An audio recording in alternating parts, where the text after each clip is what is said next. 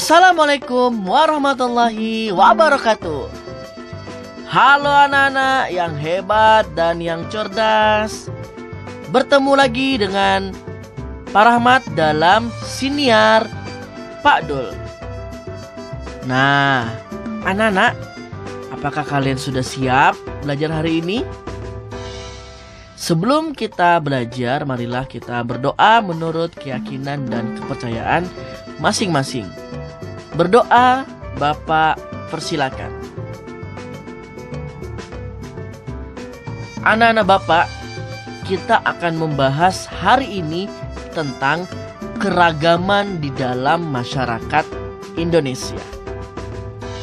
Indonesia dikenal sebagai negara kepulauan karena memiliki 17.504 pulau yang tersebar dari Sabang sampai Merauke. Banyak faktor yang menyebabkan terjadinya keragaman dalam masyarakat Indonesia. Antara lain sebagai berikut. Satu, letak strategis wilayah Indonesia. Indonesia terletak di antara Samudra Hindia dan Samudra Pasifik. Indonesia juga berada di antara benua Asia dan benua Australia. Letak strategis tersebut menjadikan Indonesia berada di tengah-tengah lalu lintas perdagangan internasional. Dulu anak-anak banyak pedagang-pedagang dari negara lain yang singgah di Indonesia. Nah, keadaan ini sangat berpengaruh pada percampuran budaya asing dan budaya daerah. Nah, kita bisa lihat dari pakaian adat beberapa daerah yang memiliki kesamaan dari budaya asing. Contohnya apa? Nah, misalnya sorban pada pakaian adat laki-laki Jakarta. Nah, karena pengaruh dari budaya Arab. Kemudian, baju kebaya encim atau rok panjangnya pada paket adat wanita Jakarta itu juga pengaruh dari budaya Tiongkok loh anak-anak. Nah yang kedua, kondisi negara kepulauan. Banyaknya pulau di Indonesia menyebabkan penduduk yang menempati satu pulau atau sebagian dari satu pulau tumbuh menjadi kesatuan suku bangsa. Pada zaman dahulu, transportasi belum semudah sekarang sehingga setiap suku yang tinggal di pulau berbeda itu sulit terhubungnya anak-anak. Nah, tiap-tiap suku bangsa di pulau-pulau itu pun akhirnya mengembangkan budaya mereka sendiri. Oleh karena itu, di Indonesia banyak suku bangsa dengan budaya yang berbeda-beda. Yang ketiga, karena perbedaan kondisi alam. Indonesia merupakan negara vulkanis dengan banyak pegunungan, baik gunung berapi maupun bukan gunung berapi.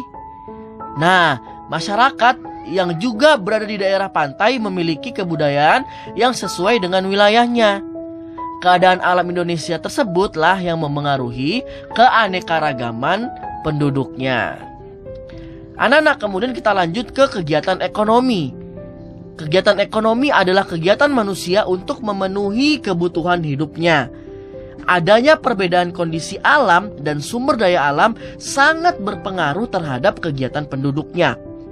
Nah, ayo kita simak bersama nih keragaman kegiatan ekonomi yang ada di Indonesia. Yang pertama, kegiatan ekonomi di bidang pertanian. Kegiatan ekonomi di bidang pertanian ini dilakukan oleh masyarakat dengan memanfaatkan sumber daya alam, tanah yang subur, dan tumbuhan. Contoh hasil kegiatan pertanian itu berba berbagai macam ya. Ada jagung, ubi, padi, dan bermacam-macam sayuran. Yang kedua, ada kegiatan ekonomi di bidang peternakan beragamnya aktivitas masyarakat Indonesia dapat menyediakan hasil ternak yang melimpah.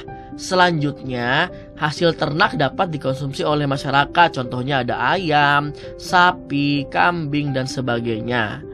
Hasil-hasil peternakan yang bisa kita olah itu ya misalkan telur dari ayam, daging, kulit, eh, atau susu dari sapi maupun bulunya. Nah, yang ketiga anak-anak ada aktivitas ekonomi di bidang pertambangan. Pertambangan adalah usaha untuk mengambil kandungan mineral yang berguna bagi kesejahteraan manusia.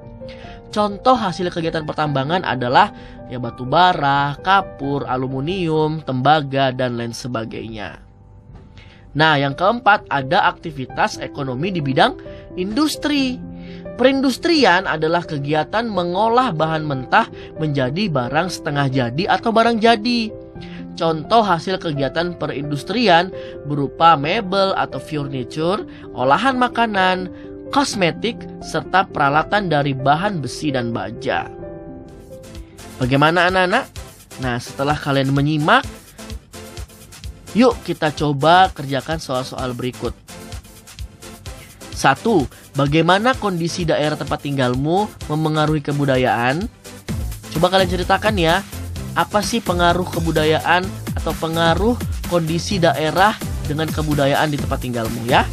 Nah, yang kedua anak-anak, mengapa Indonesia disebut sebagai negara agraris dan, dan negara maritim?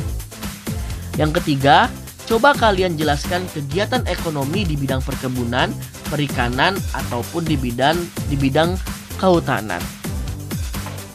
Nah, anak-anak, kita sudah sampai ya di akhir siniar kita kali ini. Semoga kalian tetap bersemangat ya anak-anak dan tetap menjaga protokol kesehatan. Nah, kita jumpa lagi di siniar berikutnya. Bapak mohon maaf ya apabila terdapat kesalahan dan kekurangan pada penyampaian kali ini. Terima kasih banyak.